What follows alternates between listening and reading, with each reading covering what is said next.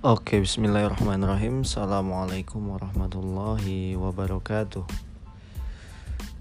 Kembali lagi bersama podcast gua di yang namanya baru aja gua revisi. Tadinya podcast gua lebih dekat tapi gua rubah jadi meja rubana yang nanti di segmen lain bakal gua bahas terkait kenapa gua ubah nama podcast gua ini.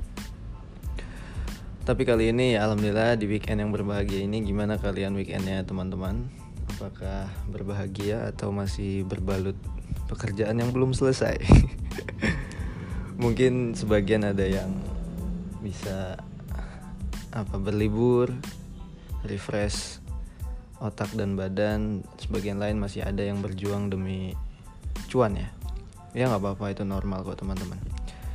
Dan alhamdulillah di weekend kali ini gue mau ngebahas terkait anak terakhir yang berjudul anak terakhir sini kita kumpul.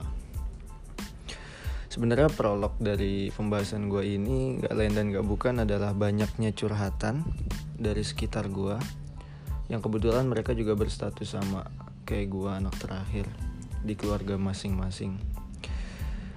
Dan yang uniknya curhatan mereka ternyata nggak jauh beda dengan apa yang gue rasain gitu. Meskipun ada beberapa titik yang kita saling bertolak belakang cuman overall kebanyakan aspek dalam kehidupan kita ternyata sama. Mungkin karena memang ada embetan status anak terakhir gitu ya gue juga nggak tahu. Maka mungkin kalian yang anak terakhir bisa didengerin podcast gue ini dan dinilai apakah benar sama yang kalian rasain atau mungkin kalian bukan anak terakhir tapi juga merasakan apa yang gue mau bahas setelah ini. Jadi gini teman-teman. Kita tahu sendiri lah ya udah jadi rahasia umum kalau stereotip anak terakhir itu dimanja. Anak terakhir selalu diwujudkan keinginannya terus anak terakhir adalah anak yang paling diharapkan mungkin. Tapi untuk poin pertama gue ini lebih ke arah dimanja kalau gue sendiri teman-teman gue ini anak terakhir dari empat bersaudara jadi gue anak kelima. Dan stereotip itu ternyata sangat-sangat gue ingkari, sangat-sangat gue protes karena memang gue nggak merasakan itu. Di keadaan ekonomi keluarga gue sekarang. Gue sama sekali nggak ngerasain kalau anak terakhir itu dimanja dan banyak juga ternyata dari teman-teman gue dia anak terakhir dan dia ternyata harus struggle buat hidupnya sendiri. Padahal kita udah tercemari bukan tercemari kita udah tersemat dengan stereotip tadi selalu dimanja. Ternyata nggak mutlak teman-teman. Ya mungkin gue nggak bisa mukul rata atau menggeneralisasi kasus yang gue rasain ini. Cuman kalau lu ngerasain berarti santai kita nggak berbeda kok kita sama karena ekonomi keluarga gue bisa dibilang di zaman kakak gue atau ketika gue masih SD itu stabil bahkan boleh dibilang menengah ke atas. Bisnis masih untung-untungnya. Kebetulan bapak gue punya toko lagi rame-ramenya lagi viral-viralnya mungkin di zaman itu ya. Jadi pemasukan lagi deres-deresnya itu. Untuk membiayai kakak-kakak gue yang lagi menempuh studi perkuliahan itu masih normal stabil bahkan bisa dibilang lebih dari cukup ketika itu. Gue ikut kecipratan jelas. Biaya SD gue gampang nggak pernah nunggak dan lain sebagainya. Sampai akhirnya waktu pun bergulir kan dengan kemajuan teknologi adanya e-commerce adanya pasar digital. Ya adanya perubahan lah di dunia bisnis dan perdagangan. Barulah sedikit demi sedikit eksistensi toko bokap gue mulai menciut mulai mengecil juga pemasukannya. Akhirnya tibalah di periode gue untuk di nafkahi bukan dinafkahi sih ya dibiayai anak satu-satunya yang belum menikah untuk dibiayai. Yang gue pengen buktiin bahwa stereotip itu salah. Ternyata benar gue nggak dimanja karena ketika gue harusnya menikmati apa yang harusnya gue dapatkan dari stereotip itu ya teman-teman ya. Gue hidup di pondok dan gue jarang banget minta uang jajan ke orang tua. Karena gue juga udah punya bisnis sendiri ketika itu. Gue hidup ya intinya gue jauh banget dari keluarga dan impact negatifnya ke gue adalah gue agak apatis gitu sama suasana dan keharmonisan keluarga gue sendiri ya berarti kan secara nggak langsung stereotip itu terbantahkan bahwa anak terakhir nggak selalu dimanja. Gue nggak dapetin apa pun bahkan kalau kita ngomongin uh, pengalaman gue sendiri di keluarga. Jadi kakak gue ada satu cowok sisanya cewek. Tiga kakak cewek dan satu kakak cowok. Kakak cowok gue ini ketika dia menikmati masa dimanjain ya dimanjain jadi dibelikan motor motor yang terbilang mewah di zaman itu. Gue nggak sebut merek ya. Pokoknya intinya motor ini mewah dan ketika itu gue seneng dan gue berpikir someday gue akan dapetin kayak lu gitu bahkan lebih karena gue statusnya anak terakhir gitu. Ya memang gue udah terdoktrin dengan stereotip itu. Sampai akhirnya waktu bergulir dan waktunya adalah sekarang. Gue harusnya mendapatkan apa yang kakak-kakak gue dulu dapatkan juga terlebih gue mendapatkan status sebagai anak terakhir. But apa yang terjadi? Gue nggak dapetin itu semuanya. Gue nggak sedih jujur gue nggak sedih. Dan gue bersyukur malah orang tua gue memasukkan gue ke pondok pesantren. Akhirnya gue bisa hidup lebih mandiri uh, eh, gue bisa tegar. Gue harus bisa ya ngenyangin lambung sendiri lah dan stereotip itu nggak membuat gue jadi sedih atau murung bahwa ah, mana dan gue nggak minta pembuktian gitu mana katanya stereotip. Alhamdulillah gue diberkahi Tuhan akal sehat untuk tidak berpikir seperti itu. Bahkan gue berpikir kalau ya anak terakhir itu nggak mutlak plek ketiplek sama stereotip tersebut gitu. Ya udah akhirnya gue tetap memahami bahwa adanya perbedaan keadaan ekonomi di zaman kakak gue yang masih bisa dimanja tadi dengan apa yang gue harus hadapin sekarang. Ya memang ada rasa sedih sih gak munafik gue cuman gue nggak berlarut intinya. Dan gue menghadapi mau gimana lagi kan disesali juga nggak akan ada perubahan. Akhirnya gue tetap berdiri di atas kaki gue sendiri. Terus dibilang juga anak terakhir selalu diwujudkan keinginannya. Mungkin kalian ada ya yang ngerasain cuman kalau gue enggak teman-teman kalau lu juga gitu ya kita rangkulan deh abis ini. Enggak juga maksudnya ya intinya gitu deh teman-teman. Pokoknya jangan sampai kita ketelan sama stereotip yang beredar di masyarakat bahwa anak terakhir itu anak emas lah. Enggak juga sebenarnya.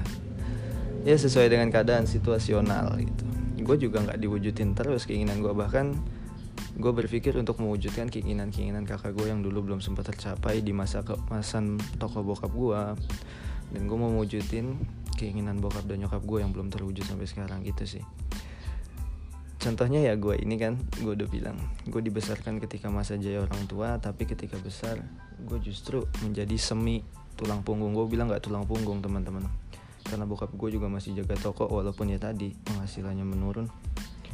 Gue menjadi semi karena terkadang gue juga bantuin keluarga dan orang tua ketika butuh biaya sedangkan dananya nggak ada ya gue bersyukur itu alhamdulillah alamin tapi poin gue selanjutnya sebenarnya ini yang gue mau keluhkan. Jadi gue itu ngerasa sebagai anak terakhir gue nggak tahu gue nggak terlalu ekspertis di bidang zodiak. Gue nggak paham psikologi juga. Cuman harus gue akui gue ini di samping gue juga berusaha untuk terisinya lambung gue dan membahagiakan sekitar gue gue nggak menampik bahwa sebagai anak terakhir gue memiliki sisi apa sisi ingin dimanja. Gimana ya bahasa elegan ya? Maksudnya jiwa gue ini butuh sandaran gitu. Ya mungkin karena anak terakhir ya gue nggak tahu. Cuman gue rasa ini kayak alamiah gitu loh karena gue berkali-kali baca filosofi filosofi filsuf terkenal kayak stoikism terus minimalism. Dari semua itu yang gue ambil bahwa itu semua just a lesson gitu. Itu cuma pelajaran. Sedangkan batin kita punya fitrahnya sendiri sih. Gue mikir gitu. Mungkin kalau lo berbeda pendapat nanti bisa disanggah nggak apa-apa.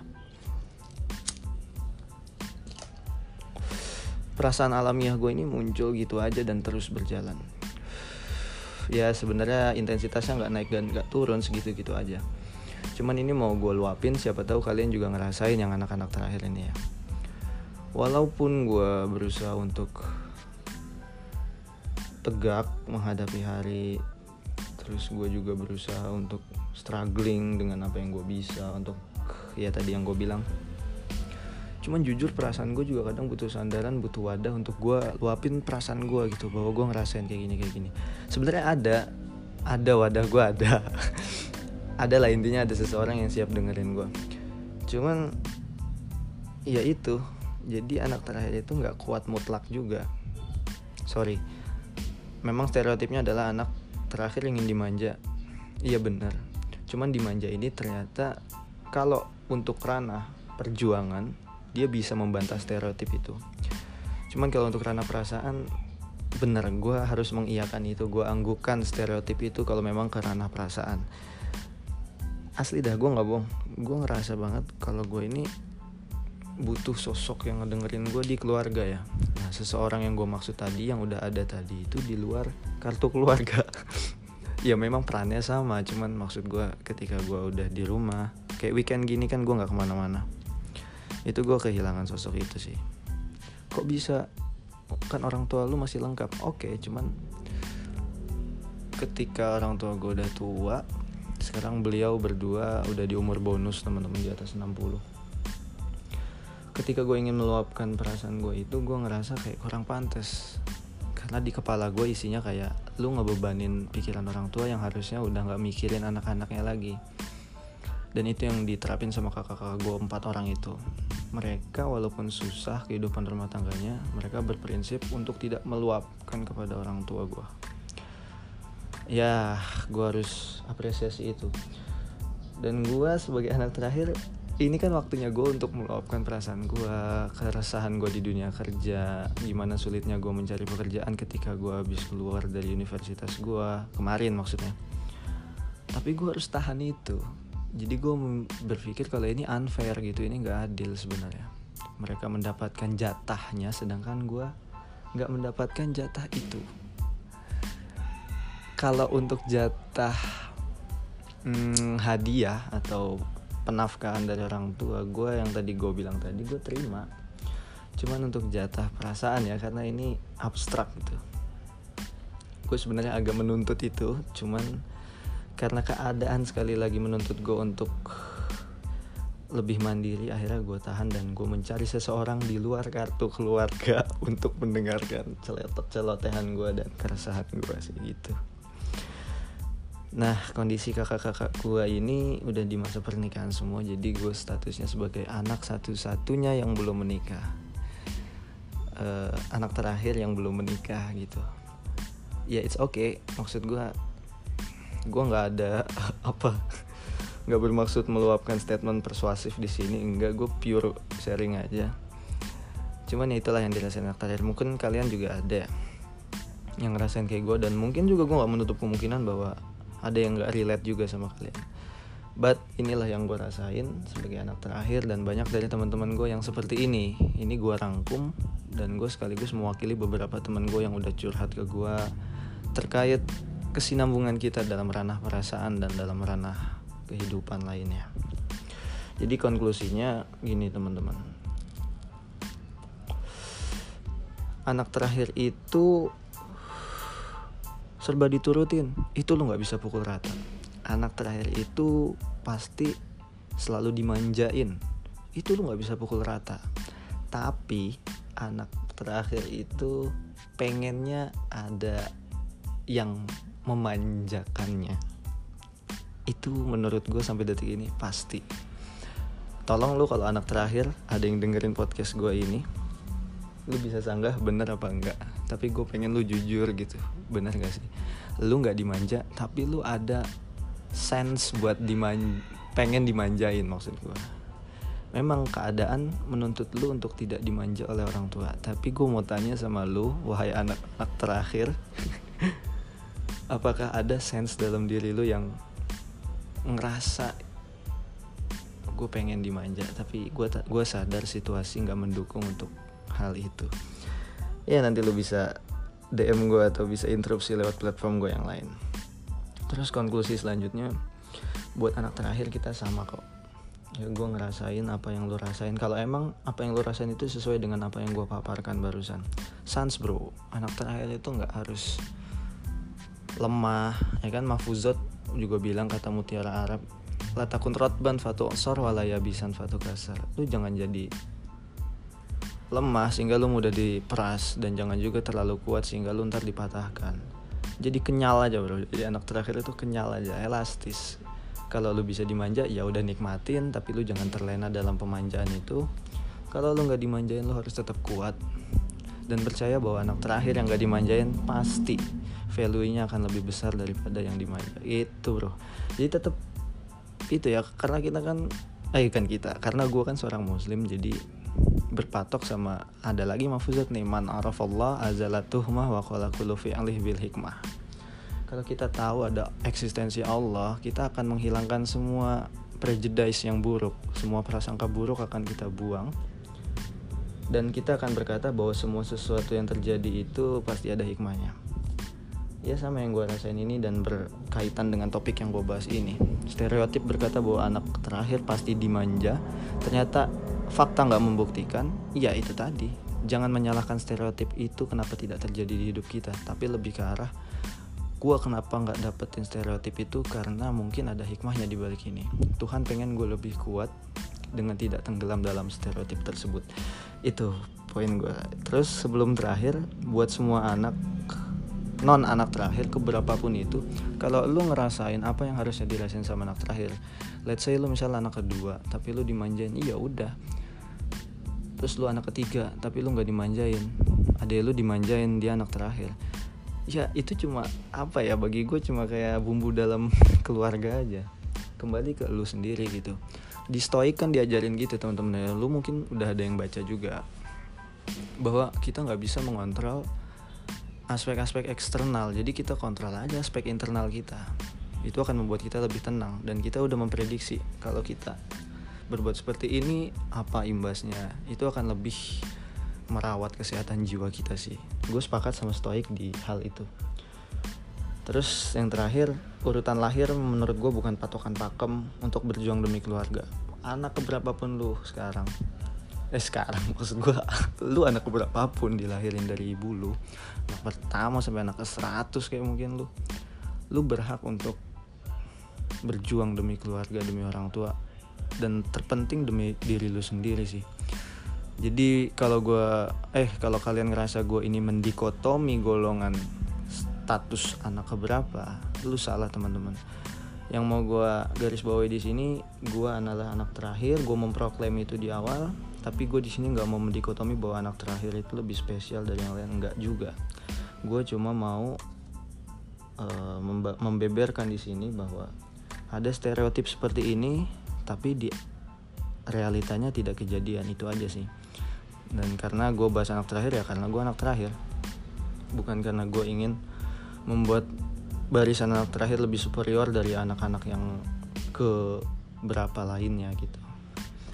Mau anak berapa pun lu lu tetap berhak buat memperjuangkan apa yang lu pengen memperjuangkan orang-orang yang lu cintai dan memperjuangkan orang-orang yang lu sayangi sih. Eh deh itu deh konklusinya.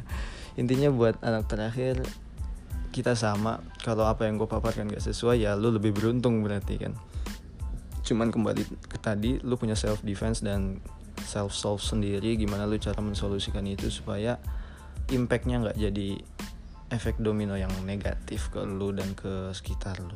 Dan buat anak non anak terakhir ya kita sama-sama manusia kita saudara se-Islam. Kalau lu bukan Islam kita berarti saudara sekemanusiaan gitu.